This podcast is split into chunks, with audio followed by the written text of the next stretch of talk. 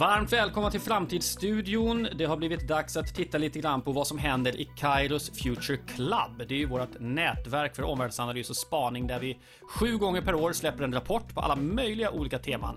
Eh, och som medlem i nätverket så får man då rapporten naturligtvis och chansen att delta på ett seminarium tillsammans med andra i nätverket. Eh, nu, just nu då i webbinarform, men annars fysiskt i Stockholm.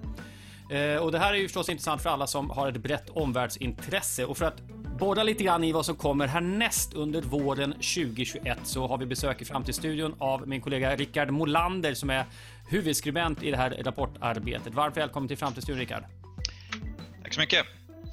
Du, eh, du skriver ju rapporter, eh, inte alla, men väldigt många av rapporterna i Kairos Future Club. Hur är den uppgiften att ha, den här stora breda omvärldsanalysen du får ägna åt? Den är eh, spännande och svår naturligtvis eftersom vi täcker så väldigt mycket olika ämnen för, som är av intresse för väldigt mycket olika organisationer och personer. Mm. Ehm, det är ju en blandning av så högt och lågt kan man säga. Det är både brett och smalt ibland men förhoppningen är att det är någonting som alla ska ha användning av även om man inte direkt jobbar med det. Så Man behöver ha koll på omvärlden, även inte sin egen närvärld. Precis.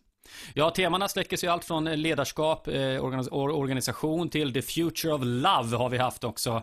Eh, och eh, teknikens påverkan på människor och arbetslivet. Och, ja, det rör sig en massa, massa olika. Vilken tycker du har varit mest kanske exotisk eller annorlunda? Vilket tema skulle du säga? Om du ja, du tog, du tog ju upp future of love och den får man väl säga tillhör de mest spektakulära när vi tittade på framtidens dating och relationer och funderade på hur, hur blir framtidens äktenskap och sådana grejer.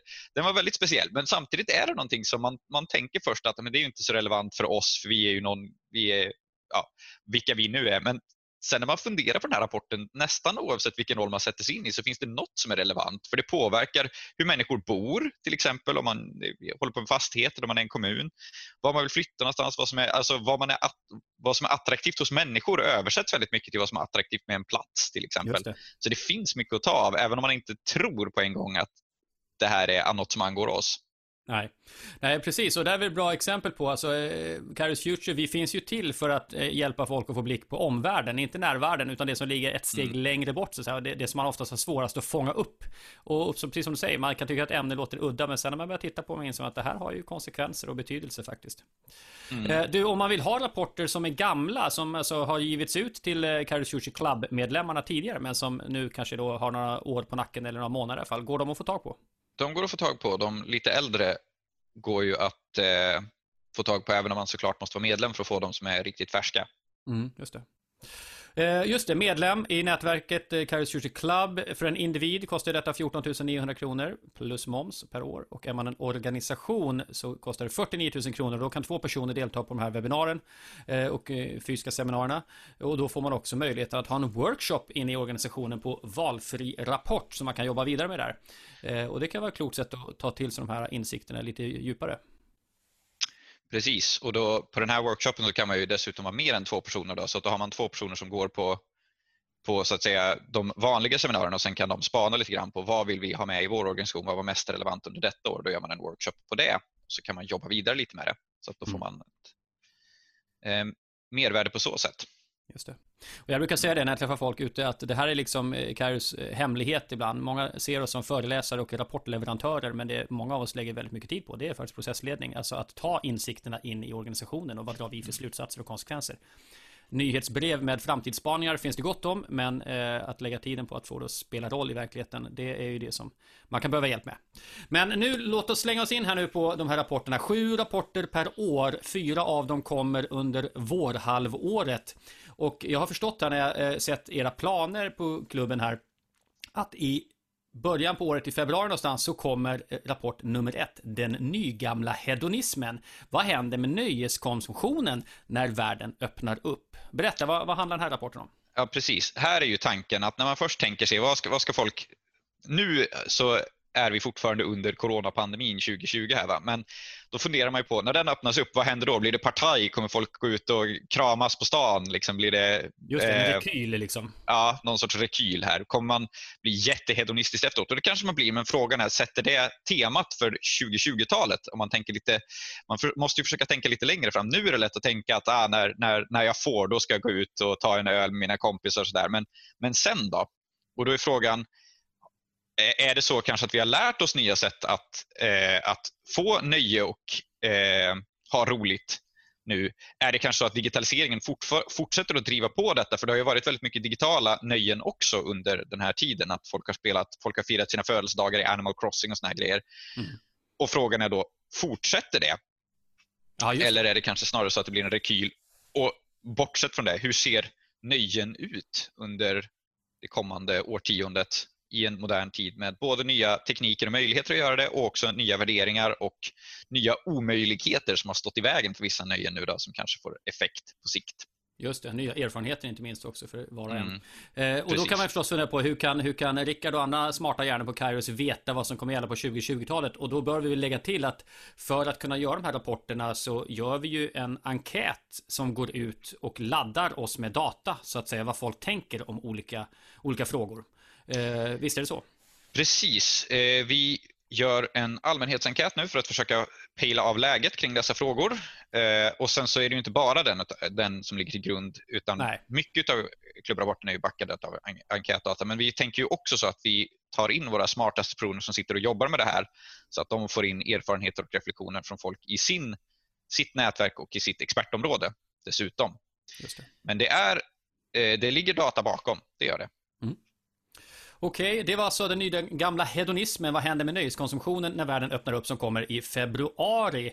Därefter, ungefär en månad efter, är det så man ska tänka? Ja, ungefär en månad mellan är de. Ja, då ger vi oss på ett helt annat ämne, ett ämne som jag tycker är väldigt intressant och som eh, har diskuterats en hel del sista tiden och det är då rubriken kompetensinflationen, ökad obalans på framtidens arbetsmarknad. Vad är det här för något?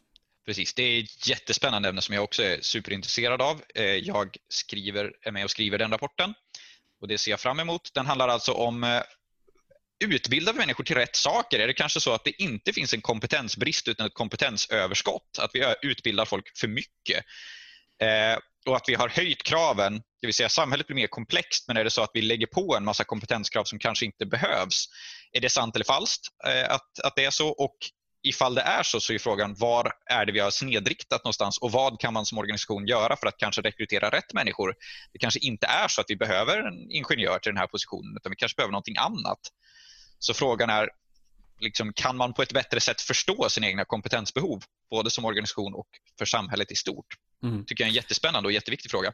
Ja, det här är superintressant och jag tänker på en bok som kom här för ett tag sedan, Dumhetsparadoxen. Eh, om jag minns rätt, Mats eh, Alvengren och sånt där har för mig han heter, men jag kan ha fel på det. Men Dumhetsparadoxen eh, handlar ju om eh, hur vi har pratat om det här kunskapssamhället och att alla jobb blir så mm. mer och mer kvalificerade och vi utbildar folk på högre utbildning. Men i själva verket så är ganska många uppgifter ganska eh, minimalt kognitivt krävande, åtminstone jämfört med hur de har beskrivits ibland. Och en annan bok som jag har eh, bläddrat i är ju 21st 24, vad heter den? 21 sanningar om kapitalismen. Där han också mm. ifrågasätter mm. det här kunskapssamhällets tillväxten som det pratas om ända sedan ja, 80-90-talet i alla fall.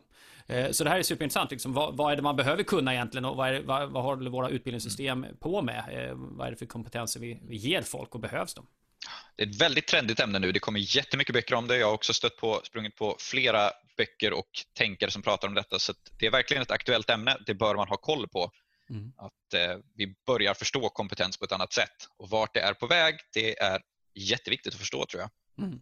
Och det är så intressant också att tänka det här att, att högre utbildning eh, har ibland, du och jag diskuterar inte minst här på våra interna diskussionskanaler eh, om högre utbildning egentligen tränar folk i något eh, högre form av tänkande eller om det har varit andra syften och, och, funktioner med högre utbildning och i vilken grad högre utbildning verkligen levererar eh, bättre eh, så att säga, generell eh, förmåga mm. att förstå och, och, utveckla och tänka nytt och tänka fräscht. Och det där kan man ha många olika tankar om men, men Eh, kanske, kanske det inte varit så framgångsrikt skulle jag påstå i alla fall som man kanske har trott eh, alla gånger. Eh, för en sak är att kunna nya fackområden på djupare men, men kan man tänka generellt eh, bättre och organisera sin kunskap och, och, skapa nytt värde av det eller inte? Jag vet inte. Mm. Och kan man, kan man fabrikstillverka bättre tänkare? Det är väl den stora frågan. Går det att få ut dessa bättre tänkare på löpande band eller är det, är det inte möjligt? Just det. Och I så fall ska man, ska man försöka. Mm. Så det är många stora och spännande frågor kring detta. Ja, verkligen. Ja, det var rapport nummer två. Kompetensinflationen, ökad obalans på framtidens arbetsmarknad någon gång i mars. Då blir det någonstans i mitten på april. Då kommer nummer tre under våren och det är den nya geografin. Hur ser Sverige ut efter pandemin? Precis, och den frågan handlar ju om, vi har ju tittat på det här länge så att egentligen är det inte det här bara en pandemifråga men vi har satt den lite som underrubrik nu för att, eh, för att det är spännande just nu. Ehm, men egentligen så, vi har ju hållit på länge med studier över hur ser svensk geografi ut? Hur pendlar folk? Var vill man bo? Var vill man jobba? Hur ser länkarna mellan boende och jobb ut? Vilka platser är attraktiva? Det handlar väldigt mycket om det egentligen. Efter att folk har börjat arbeta på distans, efter att vi har sett ganska långtgående trender som nu har accelererat, att folk flyttar inte in i storstäderna lika mycket utan de flyttar in i lite medelstora städer.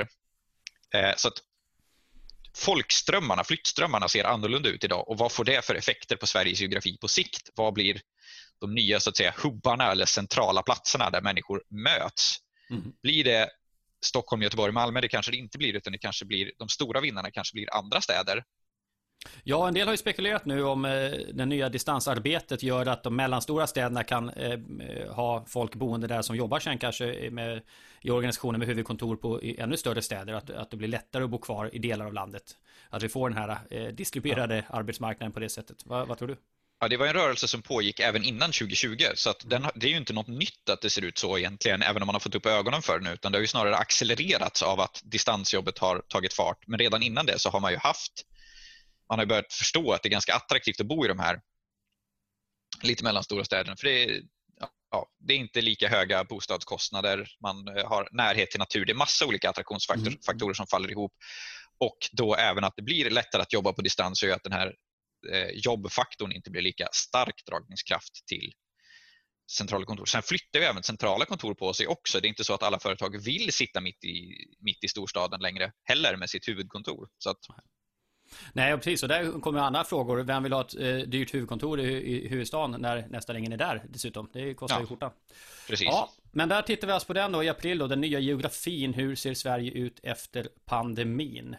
Eh, vårens sista rapport Eh, någonstans kort innan sommaren, det är framtidens kicksökande adrenalin i en ombonad värld? Frågetecken. Och det kan ju passa bra inför sommarens äventyr. Varför, varför ska vi utforska framtidens kicksökande?